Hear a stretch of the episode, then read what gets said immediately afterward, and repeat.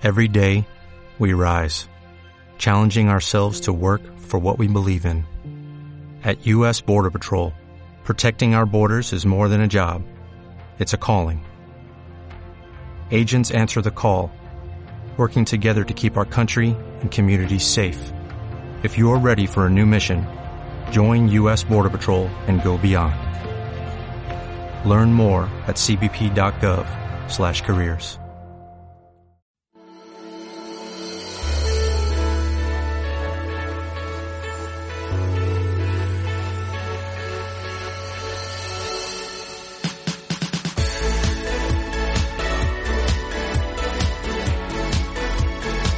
Parlant de tot, amb Jaume Cabot.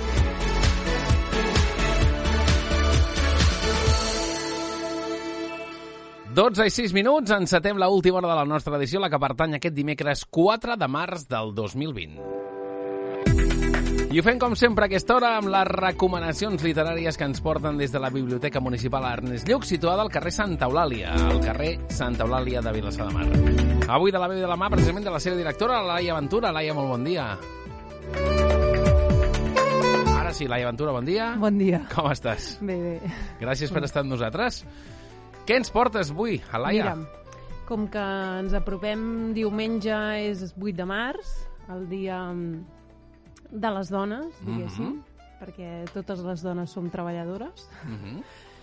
a, a casa o fora de casa, o les dues coses. I, mm, i penso que més que, que portar, en el meu cas, literatura infantil des de la perspectiva de dona, és des de la perspectiva de gènere. És a dir, Mhm. sobretot contes no sexistes. Perfecte. Perquè penso que una bona manera de- d'educar els infants doncs és eh, veient la normalitat eh, amb la igualtat de gèneres doncs, doncs facilita que aquestes noves generacions ja ho vegin no només a casa sinó també en la literatura com una cosa habitual. Doncs avui contes no sexistes, coincidint amb aquest diumenge 8 de març, en què Mhm. serem el Dia de la Dona. Doncs vinga, per on comencem, Laia? Mira, um, comencem per, per, en aquest cas, per contes que treballarien la diversitat, que um, un d'ells uh, estava en préstec, no l'he pogut agafar a la biblioteca, que es diu Paula tiene dos mamás. Uh, aquest cas, en aquest llibre, doncs, com, com bé es pot intuir en el títol, doncs és una, una nena que en comptes de tenir un pare i una mare, o un sol pare o una sola mare, doncs té, té dues mares, no? I, i llavors com eh, al final del, del conte podem veure diferents models de, de família.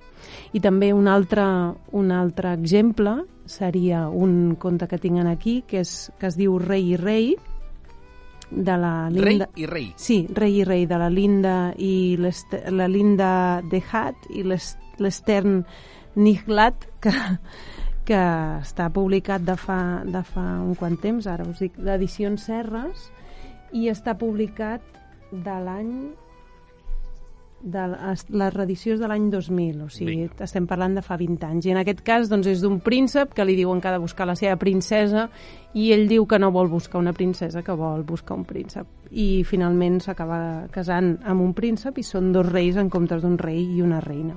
Rei i rei, eh? Rei i rei, això per treballar la diversitat amb, amb, amb literatura infantil. No?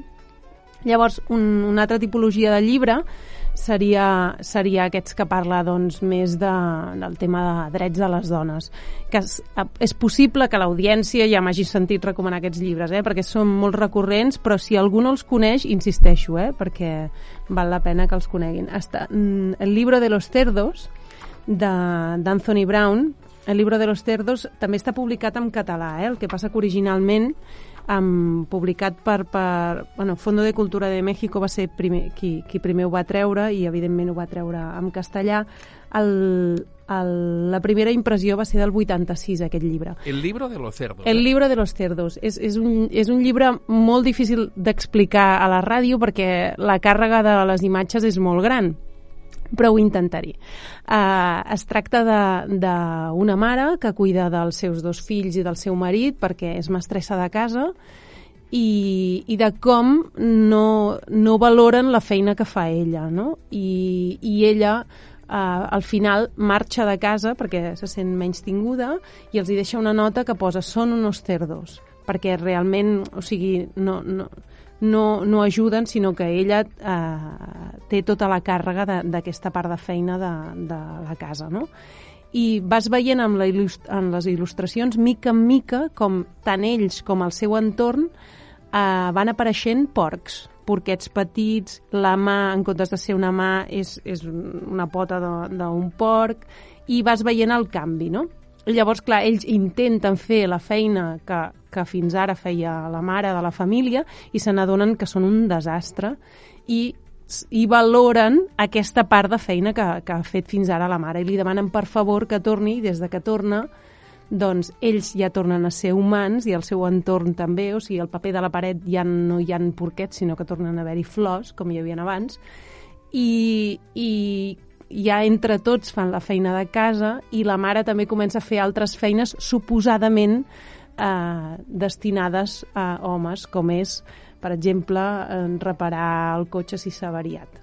Hi ha un, algun capítol del Simpson, que és una sèrie doncs, molt eh, criticada, però és una sèrie que, si es mira al rerefons, és una crítica ferotge a la societat americana en particular i a la societat mm. en general, que algun capítol també va d'això, eh? que la Mar Simpson, la, la, la, la mare, la mare sí. de la família, mm. doncs eh, pren mal a la cama, se'n va a l'hospital i, i entre tots se'n donen compte doncs, el que és allò, no? un cau de, de porcs, fins que se'n donen compte. Aquí ve una mica la, la crítica, insisteixo, a la societat americana en, en particular i a la societat en general. Jo penso que el cas del Simpson deu ser criticada no, no només perquè no tothom està d'acord amb, el que, amb els temes que tracta, sinó perquè hi ha molta gent que es pensa que és una sèrie infantil. Exacte. No, no, jo penso que... És una sèrie crítica... Que és d'adults. Però crítica total i absolutament, eh? Totalment d'adults. Molt bé.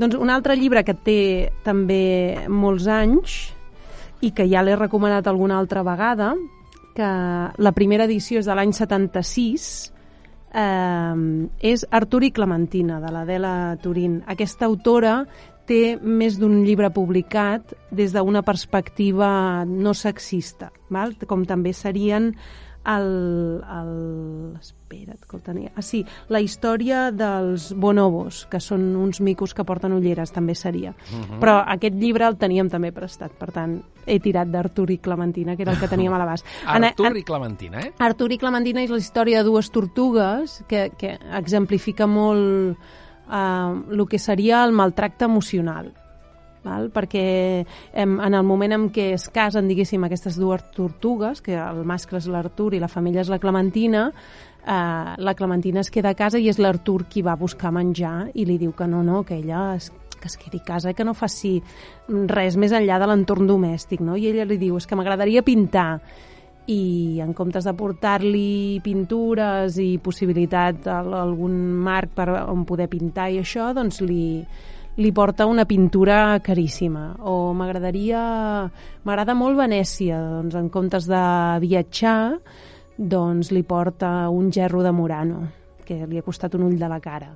I arriba un moment que la Clementina se n'afarta i fuig sense la seva closca i encara l'Artur, hores d'ara, està dient que ha desagraïda la Clementina que, tot i els regals tan fantàstics que li havia fet, havia marxat i que des de llavors moltes d'altres tortugues es veu que seguien l'exemple de la Clementina.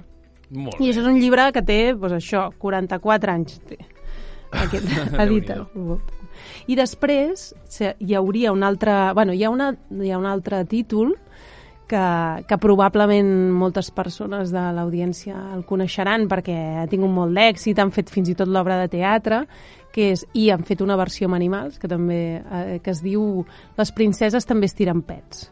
Sí, home, uh, les princeses també estiren Aquest és molt superconegut i és molt graciós perquè, a més a més, com a catalans que som molt escatològics, ens agrada tot el que sigui estigui relacionat amb caques i amb pets i amb culs i amb tot això. Llavors, les princeses sempre estiren pets, doncs eh, desmitifica aquesta figura de la princesa perfecta, ideal, fantàstica, preciosa i que humanitza a la figura de les princeses, cosa que també agraïm, que almenys jo com a dona no? I, i explica la història secreta de, en aquest cas, tres princeses que Uh, per exemple, la Ventafocs... Ah, no, la Blancaneu, com que vivia amb els nans i els nans menjaven coses molt greixoses, doncs clar, amb ell això li produïa una flatulència espectacular i que no va morir a causa d'una mossegada de la poma, sinó d'un pet pestilent que la va, la va fer que, que acabés a dins d'una urna de vidre perquè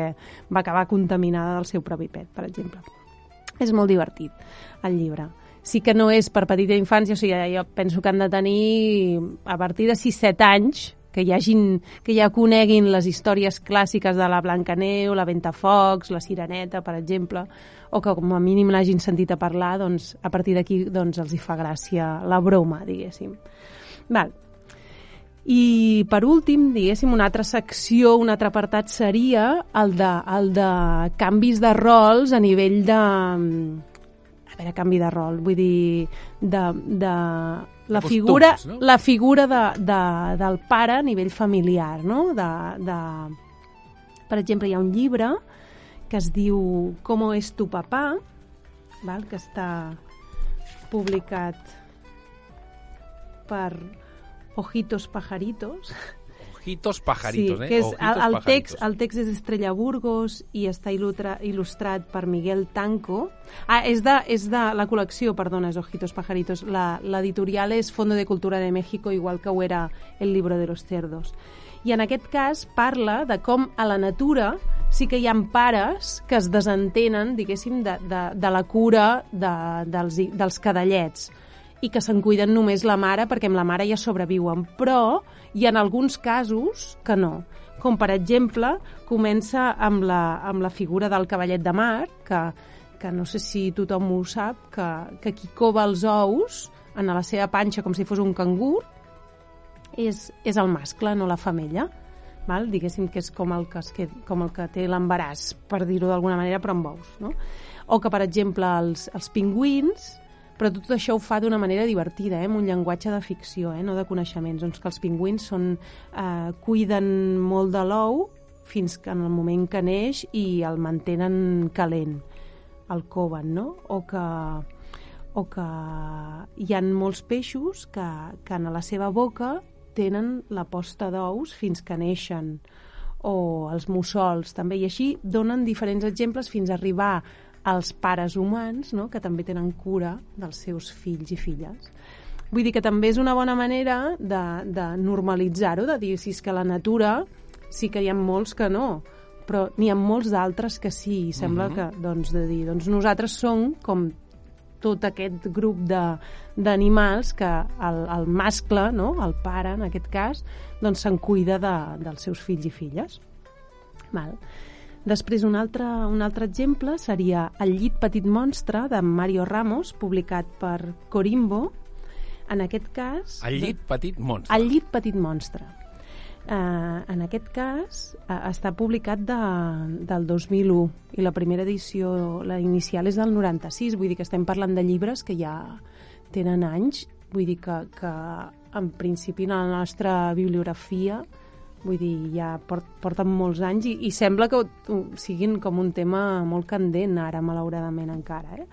Doncs llit petit monstre és un pare un pare humà que posa a dormir el seu monstre que a la il·lustració apareix com un cocodrilet no? I, i de com li negocia el que no vol anar a dormir eh, que no vol anar que, que, que un petó de la mama no el vol eh, diu li, baixa les escales de dalt de l'habitació, no es vol rentar les dents i el pare està allà tota l'estona posant-lo, fent tot, el, tot el, el camí fins a arribar al llit uh, trien el conte, li llegeix el conte i el posen a, a, se li posa a saltar al damunt del llit i li demana un got d'aigua. Finalment el pare cedeix i li porta un got d'aigua. Doncs tot aquest rol que moltes vegades a, a molts altres contes se li atribueix a la mare, en aquest cas se li atribueix al pare. Uh -huh. I al final, quan, quan l'infant, o sigui, quan el, el pare li diu bona nit, petit monstre, el pare li diu, ai, el fill li diu bona nit, papa monstre, i la il·lustració que apareix és un, és un cocodril molt gran que representa que és el pare. No? és, Molt bé. és divertit i trenca, trenca els estereotips que, que, estem, que, que apareixen en molts altres eh, contes, en molt, molts altres àlbums il·lustrats. I per acabar, hi ha una col·lecció que es diu I què, de, publicat de la Galera, que, que hi ha tracta, és en principi per dir d'uns 8 anys, 8 o 9 anys més o menys, eh? que, que la primera edició és de l'any 2000, en aquest cas la, el text és de la Sílvia Oguidos i les il·lustracions d'en Miquel Valverde, i, i tracten molts temes molt interessants, eh? la justícia la pau, eh, els diners, de tenir-ne o no tenir-ne, i en aquest cas és, eh, he triat un llibre que ens ve, ens ve perfecte, que es diu El meu pare és mestressa de casa. El meu pare és mestressa, és mestressa. de casa. Mm. Llavors, en aquest cas, doncs, a la, la protagonista del, d'aquesta història diu que el pitjor dia de l'escola va ser aquell que van fer un treball que es titulava una redacció que es titulava El treball del meu pare. Diu, clar, diu, tots els nens i nenes de la, de la meva aula doncs eren o fusters, o advocats, o taxistes, o enginyers, o cambrers, o periodistes, o funcionaris, o tot això. Diu, mm -hmm. I el meu pare, clar, era, és mestressa de casa, no? i a partir d'aquí comença a explicar totes les coses que fa el pare. I, i el volia acabar llegint-vos un fragment que he trobat. Doncs endavant. A veure, espera't, eh, que no m'he posat un pòstit. Aquí està. Molt bé. I diu així. I diu així. Uh, mon pare és així. Li agrada inventar-se històries increïbles. Sempre escura els plats o neteja els vidres de les finestres i després ens les explica, al meu germà i a mi quan anem al llit. També ens deixa botar una estona al damunt del matalàs i encendre les llanternes a sota el cobre llit i podem improvisar concerts de música rock amb les forquilles i les culleres, encara que només sigui 5 minuts. També ens deixa nedar a la banyera fins que la pell se'ns arruga i semblem cigrons en remull. Això és fantàstic. L'important de qualsevol treball és que cal aprendre a fer-lo el millor que puguem, diu mon pare quan es posa seriós. Aleshores, jo li faig l'ullet al meu germà i contesto, però si tu ja saps ser una bona mestressa de casa. Sí, és veritat. Encara que a vegades en parell i un, pitjor, un mitjó de cada color o se li cremin les torrades, sempre té temps per ajudar-me quan repasso matemàtiques, fins i tot quan està molt ocupat planxant la roba, pot contestar-me quan són 7 per 9 i sense deixar de fer el que està fent. Doncs amb aquest fragment de l'últim llibre que ens recomana la Laia Ventura avui, llibres, recordem, no sexistes, acabem la secció d'avui. Laia, moltíssimes gràcies. A vosaltres. Que vagi molt bé. Rei i rei, El libro de los cerdos, Artur i Clementina, les princeses també estiren pets, Com és tu papà, al, al llit, petit monstre, i el meu pare és mestressa de casa, els llibres que avui hem recomanat. Si ens heu agafat el vol, secció que queda penjada al podcast de Vilassar Ràdio, concretament del parlant de tot, vilassarradio.cat barra parlant de tot. Les recomanacions literàries des de la Biblioteca Municipal cada setmana els dimecres a les 12 del migdia, en directe a través de Vilassar Ràdio.